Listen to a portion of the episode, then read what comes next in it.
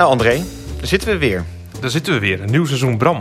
Ja, het tweede. Het heeft even, even op zich laten wachten. Ja, dat klopt. Het, eh, het, met het eerste seizoen uh, was een soort test ook voor ons als wetenschappelijk instituut... van is dit een medium dat werkt? En de reacties waren overweldigend positief. Uh, dus dat, dat was ook de aanleiding om dit nieuwe seizoen te beginnen. Ja, en... Leuk, zin in. Ja, ik heb ook zeer veel zin in. We hebben ook echt mooie plannen.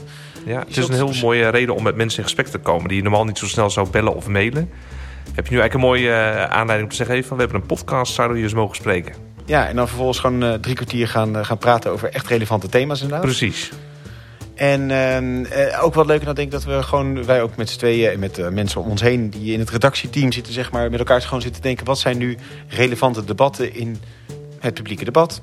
En ja. welke mensen passen daarbij en ja, die we dan het hemd van het lijf mogen vragen. Precies, hè? de politiek met een grote P.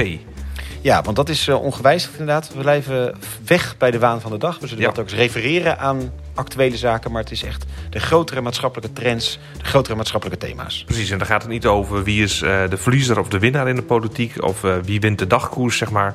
En welke partij doet het op welke manier goed of slecht. Het gaat echt over van welk structureel probleem zien we... en eh, wat zou een oplossing zijn daarin. Of wat zijn denkrichtingen in beleid of eh, noem maar op. Dat, datzelfde concept als vorig jaar blijft ook dit, eh, dit keer eh, intact. Nou, straks gaan we ook even vooruitblikken op welke thema's we dit seizoen de revue gaan laten passeren. Maar uh, allereerst misschien, uh, André, waarom maakt het WI voor het CDA deze podcast? Dat is voor ons, vorig jaar begon het een beetje met een ontdekkingstocht van we zoeken nieuwe manieren om uh, relevant te zijn. Niet alleen voor de partij, maar we geloven ook dat de christendemocratie, waar we ons uiteindelijk op richten en waar het CDA zijn voordeel mee kan doen, voor de hele samenleving iets te zeggen heeft. Het is een hele brede politieke beweging van vroeger uit ook.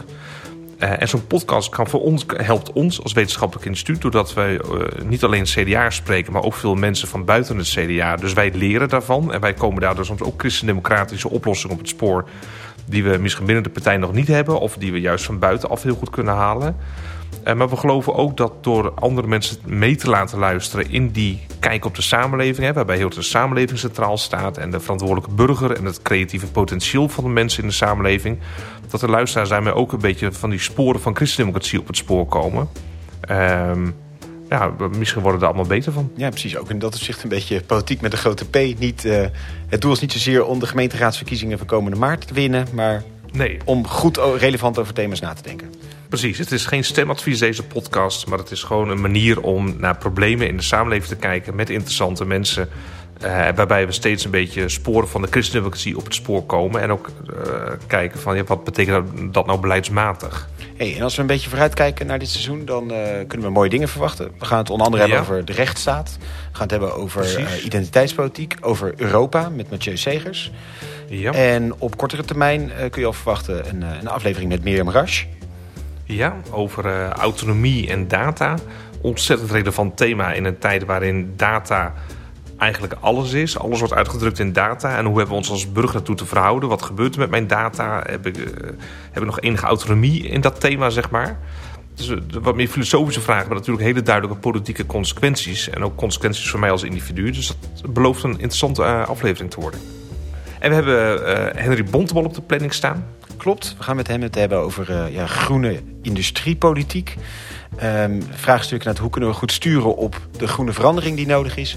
Welke rol vraagt dat van de overheid? En in hoeverre moet je interveneren in de marktwerking? Moet je dingen stimuleren als overheid? En hoe maak je daar nou slim keuzes in? Hoe ga je om met welke wortels zet je in? Welke stokken zet je in? Ja, ja, ja. En ja, welke vingers kun je ook tussen de deur krijgen als overheid... als je daar ja, verkeerde keuzes in maakt... of een soort op een oneerlijke grondkeuze daarin maakt? Precies. Ja. En we gaan nog wat fundamenteler over dat thema van uh, uh, groei en groen doordenken uh, met Paul Schendeling. Dat klopt, want eigenlijk stellen we ons in die aflevering de vraag van... als we nou echt duurzaam willen leven, als we het klimaat willen redden... kan dat überhaupt wel met groei? Hè, naar aanleiding van een interview met Paul Schendeling in Trouw... hebben we ons die vraag gesteld en gaan we daarover met hem in gesprek... En hij heeft daar een, uh, een niet mainstream visie op, om het zo te zeggen. En uh, hij ziet eigenlijk voor zich dat het tijdperk van de post-growth ingezet moet worden. En wij gaan met hem in gesprek over wat dat dan betekent... en hoe ons leven er dan in dat geval uit zou moeten zien... en ook wat voor beleidsmatige consequenties dat denken heeft. Ja, en op uh, korte termijn, namelijk volgende week... kun je de eerste aflevering horen van dit seizoen. We gaan dan in gesprek met Beatrice de Graaf... over polarisatie in de samenleving. Ja. Het, de aanleiding was eigenlijk het hele... Uh, ja, de alle heisa rondom het er komen tribunalen. Is het nou erg zo'n uitspraak? Wat doet taal? Maar vooral wat zegt dat over het vijanddenken wat in onze samenleving uh, geslopen is? En als je zo erg in vijanddenken zit, kun je dan nog wel praten over het algemeen belang? Kun je nog wel iets formuleren van dit vinden we allemaal belangrijk? Of zijn we inmiddels in Nederland al zo ver aan elkaar, uit elkaar aan het drijven dat Precies. dat eigenlijk is niet meer bij elkaar polarisatie al zo ver doorge, doorgetrokken in de samenleving dat het inderdaad dat we dat uit het zicht aan het raken zijn. Ja, dus gelijk een, een mooie eerste aflevering. Uh, zeer actueel met een zeer boeiend verhaal. Een zekere aanrader. Uh, abonneer dus vooral om uh, op de hoogte te blijven van die aflevering. Ja. Volg ons op Twitter, zou ik zeggen. Ja, of op Instagram. Dan blijf je op de hoogte van, van nieuwe updates. En ja, ik heb er ontzettend veel zin in, André. Ik ook. En ik hoop de luisteraars ook.